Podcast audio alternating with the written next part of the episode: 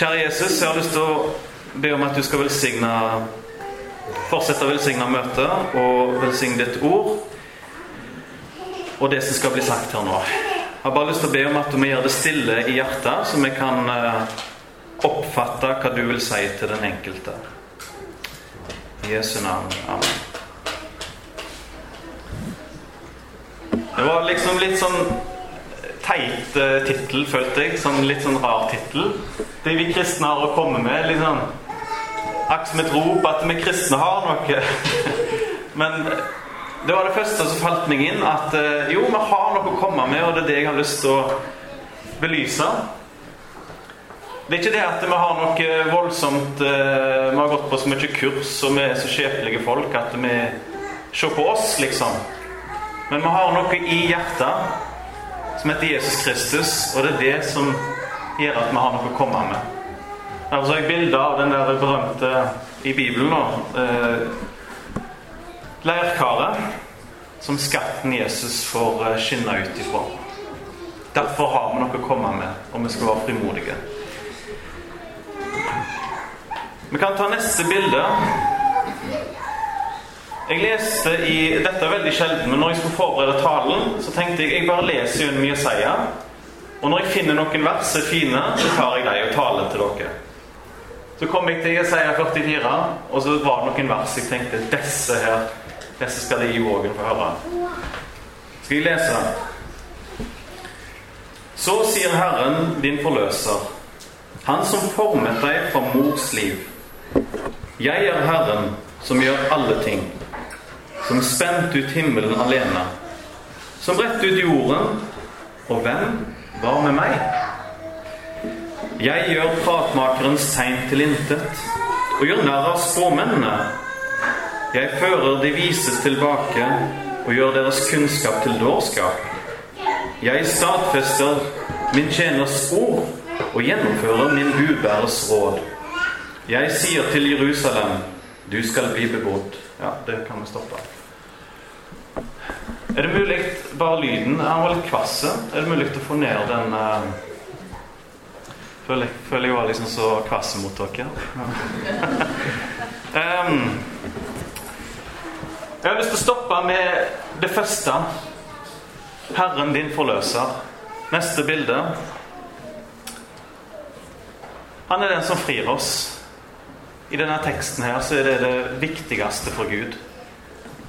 Han er mange ting for oss, Gud, men først av alt så er han vår frelser. Vent på Herren Israel, for hos Herren er miskunn. Hos ham er full forløsning.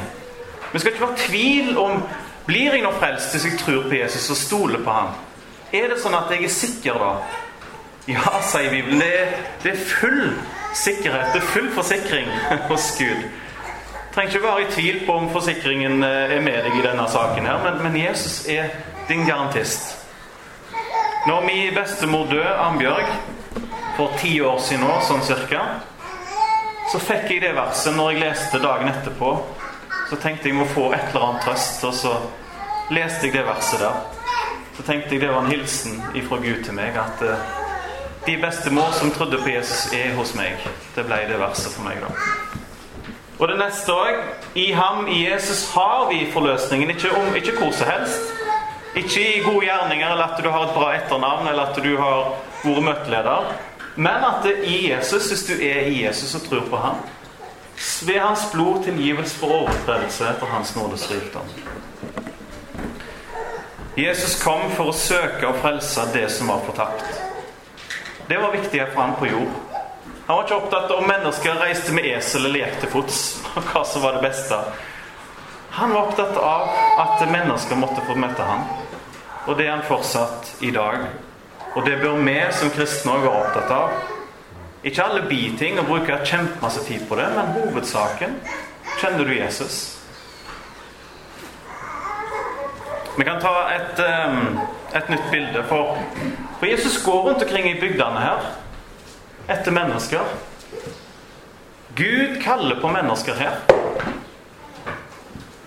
For to år siden så skjedde det en fantastisk ting som kanskje ikke alle dere vet om. En tragisk ting, men allikevel en fantastisk ting. Og jeg har Vi kan få neste bilde. Det er veldig uklart, da, men jeg leita hjemme. Jeg prøvde å finne et bilde av en som heter Torleif Frønsdal. Min gode nabo i mange år. Jeg kalte han bare for kongen av Frønsdal, for han bodde liksom på toppen der under fjellet Frønsdalsnivå og eide mange gårder. Der sitter han, og et bilde jeg fant hjemme. Der er han kreftsyk. Han er ikke så voldsomt gammel, men han er kreftsyk og, og er døden nær der. Når jeg fikk høre at Torleif hadde kreft for to år siden, så syns jeg det var voldsomt trist, for jeg syns han var en kjernekar og glad i mannen. Og så tenkte jeg at det var for galt at han fikk kreft, for jeg lurer på om han tror på Jesus eller ikke. Og så skulle jeg til Israel. Men jeg må, jeg, jeg må alltid til Israel for kona er derifra, som jeg, jeg, er der en måned hver, hver sommer. Så tenkte jeg Mon tro om Torleif lever den måneden jeg er vekke, at jeg kommer tilbake igjen så er han død av kreft. For det var så alvorlig. Så ba jeg til Gud på et hustak i Israel, for det gjorde Peter. Så tenkte jeg han gikk opp på hustak. Så jeg gikk opp på hustak, for der er de flate. Det er fantastisk å kunne gå opp på tak der og ha god utsikt, og så be til Gud for deg sjøl. Så ba jeg bare Gud, må du kalle på Torleif, sånn at han ikke dør før han har fått møte deg. Og så fikk jeg bare en fred på det hustaket, at jeg skulle bare slappe av. Så jeg ba ikke mer for han resten av sommeren, for jeg fikk en fred om at nå har Gud hørt meg, jeg skal slappe helt av. Og alt jeg sier nå Jeg har fått tillatelse av kona, enka Inger Frønsdal, for å dele dette her, eh, denne historien hans. da. Bare så det er sagt. Og så kom jeg hjem, så spurte jeg pappa Han sitter baki der forresten og gjemmer seg på bakerste benk. Så spurte jeg pappa, da Du, hvordan går det med Torleif nå? Så sa pappa til meg Jo, han har blitt en kristen. Hæ? Hvordan skjedde det, da? Nei, meg og Jeg tok han med til en kar i Etne. Og Der snakket vi med han lenge. Og Til slutt så fikk han spørsmål om han ville ta imot Jesus, og så sa han ja, det ville han. Og så sa han, nå får du korrigere meg, pappa, men han sa det er for galt at det skulle en sykdom til for at jeg skulle ta imot Jesus. Ja, han ikke. Det er for galt at det skulle en sånn sykdom til for at jeg skulle ta imot Jesus. For han innså at det hva han har venta på. Hva det han holdt på med. Men kreften fikk han til å se alvor i livet. Hva er det egentlig som er viktig? Hva er det egentlig som teller? Og så sa han ja til å ta imot Jesus. Det er jo fantastisk. Det har skjedd her i bygda for eh, halvannet år siden, to år siden. Og så ba jeg til Gud om at oh, jeg har lyst til å treffe han, men det er litt sånn kleint. Skal jeg bare dinge på døra og si jeg har lyst til å snakke med deg litt? Men så ringte Torleif til, til far min og sa at han måtte snakke med meg. da. Han hadde lyst til det. Og så reiste jeg fra Sandnes opp til min gode nabo en kveld og besøkte ham. Og så, så, delte han sitt vitnesbyrd hvordan han var blitt en kristen, hvordan sykdom han hadde ført til det, og hvordan han hadde det, og delte litt forskjellige erfaringer han hadde som nyfrelst. Og så sa han til meg nå skal han fortelle noe hva som har gjort inntrykk på ham, som kanskje har gjort at han har blitt en kristen. Han satt her for fem år siden på minnemøte med mor mi når Marit eh, var død. Hun døde den 13. juni 2014. Så hadde vi minnemøte her.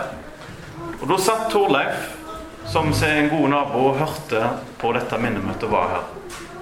Og Han sa det at han har vært på mange minnemøter i livet, men ingen som det med mor mi. Det gjorde et sånn inntrykk på han at han satt der og gråt og kjente at det, han hadde blitt forandra etter det minnemøtet. Noe hadde, det hadde skjedd noe med han. Og i dag så fikk han har nok det vært med og ført at han har tatt imot Jesus. Et ledd av mange ledd. Han hadde kristne foreldre òg. De har nok bedt mye for han, Så her er det mange ting som fører i lag til at én tar imot Jesus. Og så har jeg iallfall forstått at eh, mor mi sin død har iallfall ført ett menneske nærmere Jesus. Det er litt spesielt å tenke på. Og så snakket jeg litt mer med han. Så spurte jeg han har du fått nattverd. da? Han har aldri tatt nattverd i livet. Og jeg hadde med for, sånn, bare for sikkerhets skyld, så hadde jeg med meg ei flaske med vin og oblat og brød. Så fikk han ta nattverd for første gang i sitt liv. Jeg sa jeg kan ikke si så veldig mange ting til deg, men jeg kan gi deg Herrens nattverd. Og det er noen fantastiske løfter knytta til det. Det kan du få lov å hvile i.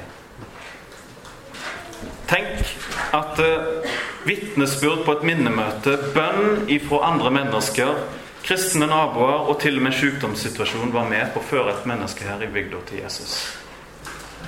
Gud kaller på mennesker. Gud kaller. Og ha det som en oppmuntring at ikke gi opp noen. Aldri gi opp noen, men fortsett å be. Og hvem andre enn Jesus kan, gi, kan hjelpe en som han? Når han er full av sykdom, hvem andre enn Jesus kan komme og gi han løfter om evig liv, samme hva forhistorien har? Så kan Jesus komme inn og gjøre alle ting nye. Vi kan ta neste bilde skal ikke bruke så lang tid på det, men jeg syns det var fint i denne anledningen her. Her står det Og det, han er den som danner deg fra mors liv. Gud er opptatt av mennesket ifra de er i mors mage. Og så syns jeg det er veldig fint at uh, vi har hørt i dag om at Jesus inviterer de små barn. Det er ingen aldersgrense i Guds rike. Det er ingen aldersgrense, verken fra begynnelse til slutt, for å være aktiv medlem i Guds rike eller bli sett av Gud. Og så syns jeg det er et fint vers.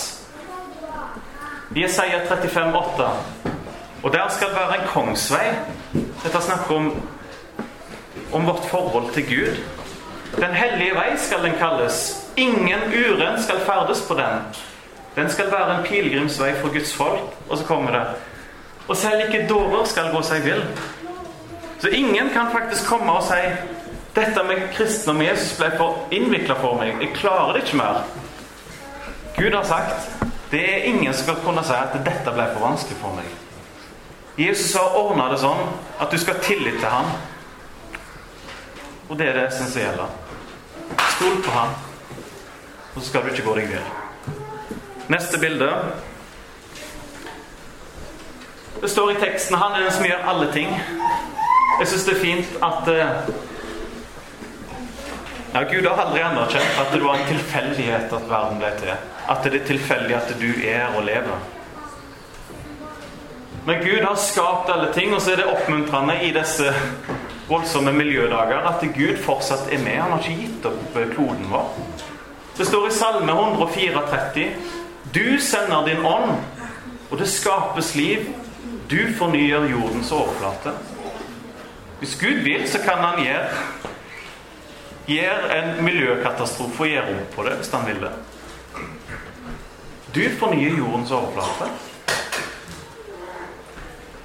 Hvis du får et sår eller et eller annet, så gror det. Gud har gjort sånn at DNA-et ditt og alt dette her gjør at det gror. Det fornyer seg.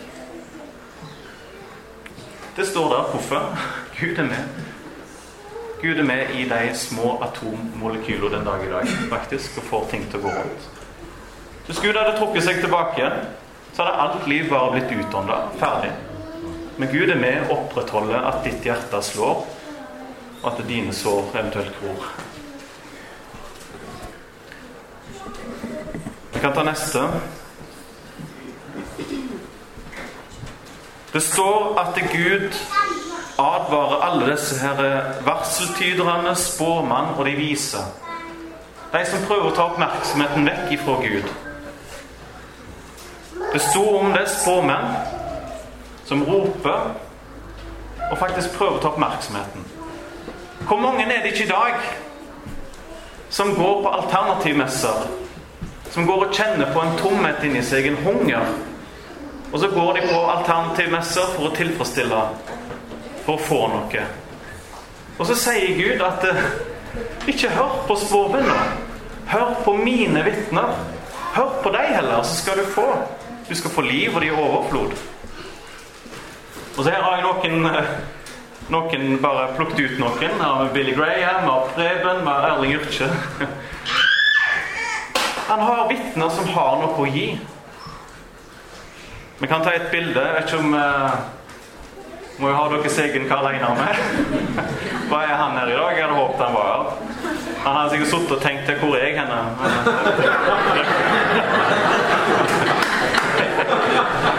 Men der dere får hilse og si det til han når dere treffer han. Um, men det er viktig for meg å si, og Bibelen sier, at uh, vi skal forkynne Guds ord, så står det at Gud vil stadfeste det ordet. Men hvordan kan Gud stadfeste noe som ikke blir forkynt? Jeg tror vi er av og til for, for feige til å, å, dele Guds ord med hverandre.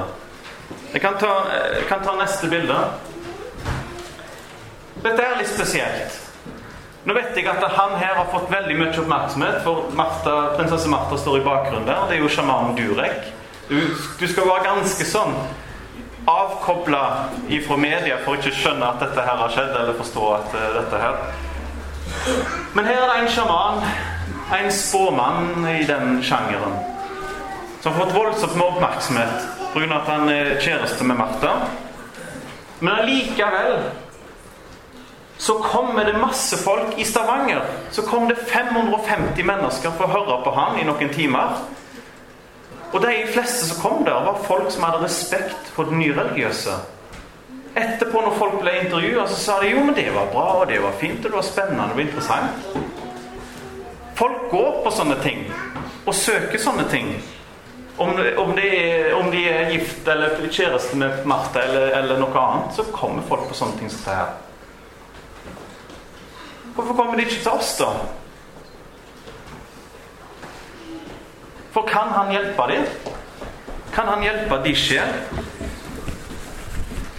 550 personer betalte 595 kroner for dette her. Og nå skal dere, Det som er litt sånn trist, er at i Norge i dag så er det kanskje bare Egil Svartdal som folk i gata vet om, som er kristen, som de har respekt for. At det, ja, men han er en god kar. Og de andre kristne, da, det er folk som har trødd skeivt i det. Og så er de hengt opp i media til spott og spe. Så i Norge så vet folk om Egil Svartdal. Han er bra, og så vet de om i alle fall tre-fire andre som er bad. Utenom biskoper og litt sånne ting. Det er situasjonen. Jeg skal lese oppsummert hva budskap som en sånn han deler. Dette er det ikke jeg som har funnet ut av. Det er en, en som heter Jørgen, Jørgen, Jørgen Jørgensen, med religionshistoriker, som var på dette her.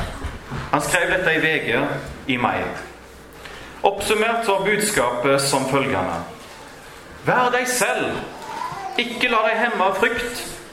Finn din indre kjerne. Følg hjertet. Ikke døm andre. Vi må være åpne. Alle i livet ditt har noe å lære deg. Ikke være materialistisk. Ikke bli fanget i rottereise. Tenk positivt. Vær kreativ.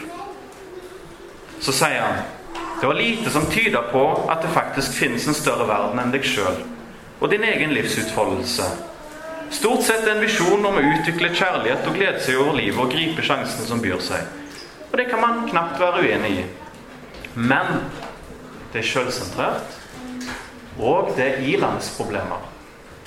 Det er ilandsproblemer. Hva hjelper det de sjel å gå på det seminaret? Men veldig mange av de som er søkende, religiøse søkende, går på dette. Det er det de får høre. Så lurer jeg på har vi kristne svikta litt? At vi er for lite flinke på gata å dele hva det er vi egentlig har å komme med? Hva det er egentlig vi har å kunne tilby? Skulle sett Torleif Frønstad på det seminaret der og sett hvor langt han hadde kommet. Men heldigvis var det et vitne som kom til ham. En annen ting er jo at Bibelen sier du advarer mot spåmenn, så det er jo en annen sak av sier her, men dette kan ikke hjelpe de sjelene for meg. Så derfor, husk, du som tror på Jesus, gå Guds ærend. Du er hans ambassadør. Du kan få tale på hans vegne.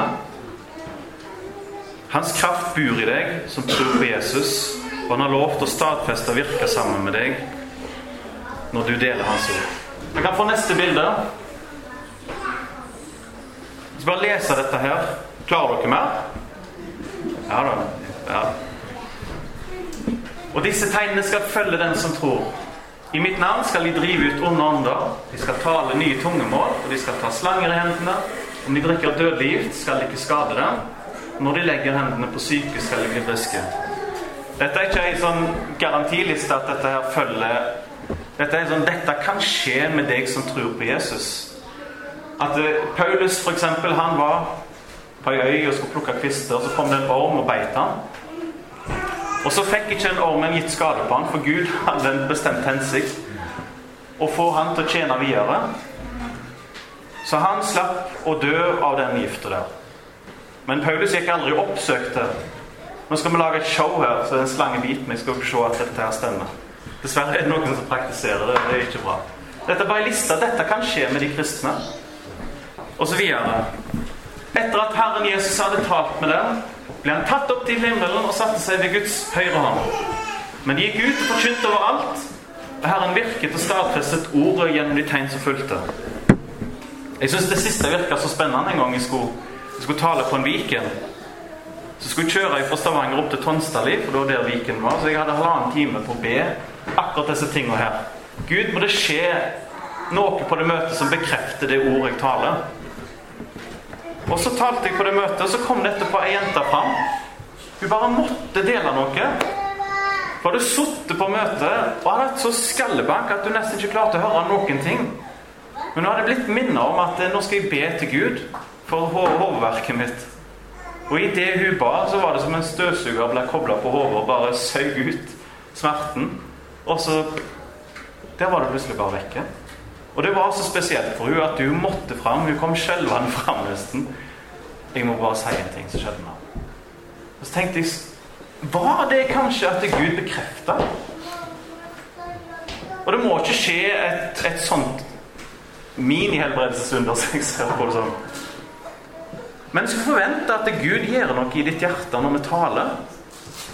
Jeg skal forvente nå, i bønn til Gud, at Gud gjør et eller annet iblant dere her nå. Når dere hører og ser Guds ord. Jeg skal ikke forvente noe mindre enn det. Enn at Gud faktisk er her iblant og vil gjøre noe.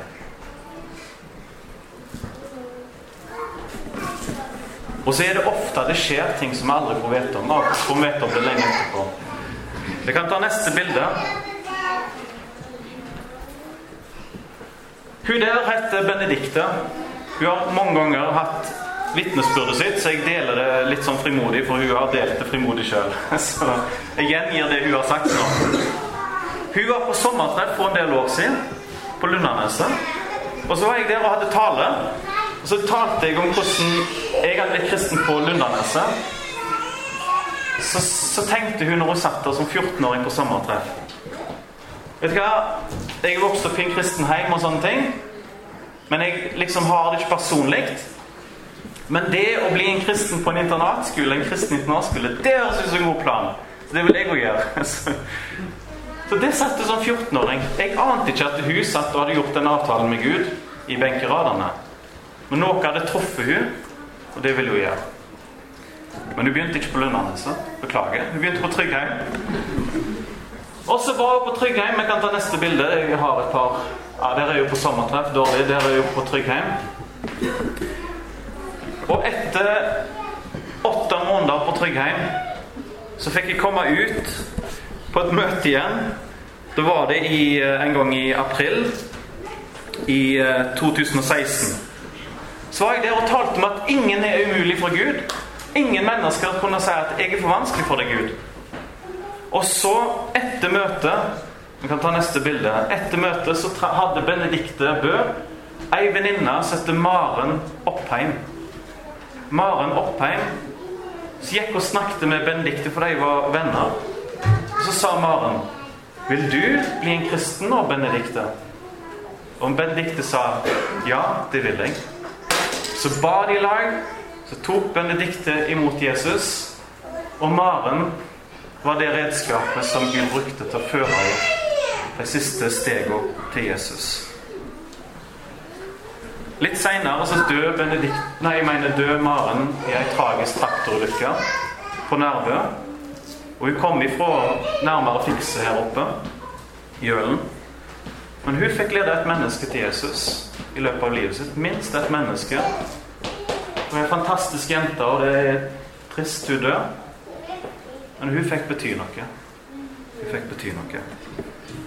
Og så fant jo Benedicte ut seinere òg at hun, hun, var på akkurat det samme Eller Ja, jeg kan ta det en annen gang. um, men uansett, Gud kaller. Og så er det litt spesielt å se hvordan ulike situasjoner er med og fører til at mennesker kommer nærmere Gud.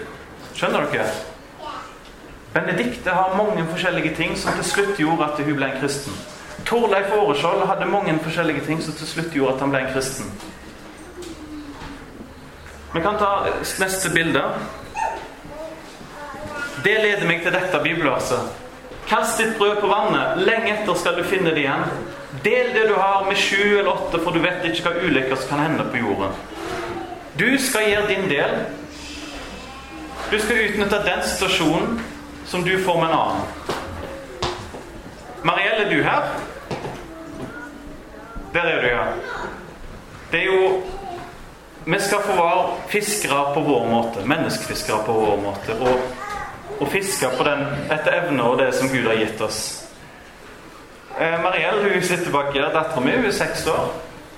Hun gikk til nabojenta og spurte om ikke hun hadde en barnebibel. Så satt de ute på trampolinen og leste gjennom den barnebibelen. Og vi fortalte hun fortalte bibelhistorier. Og jeg fikk så sjokk, for at nå har vi vært bodd der i, i litt over et år.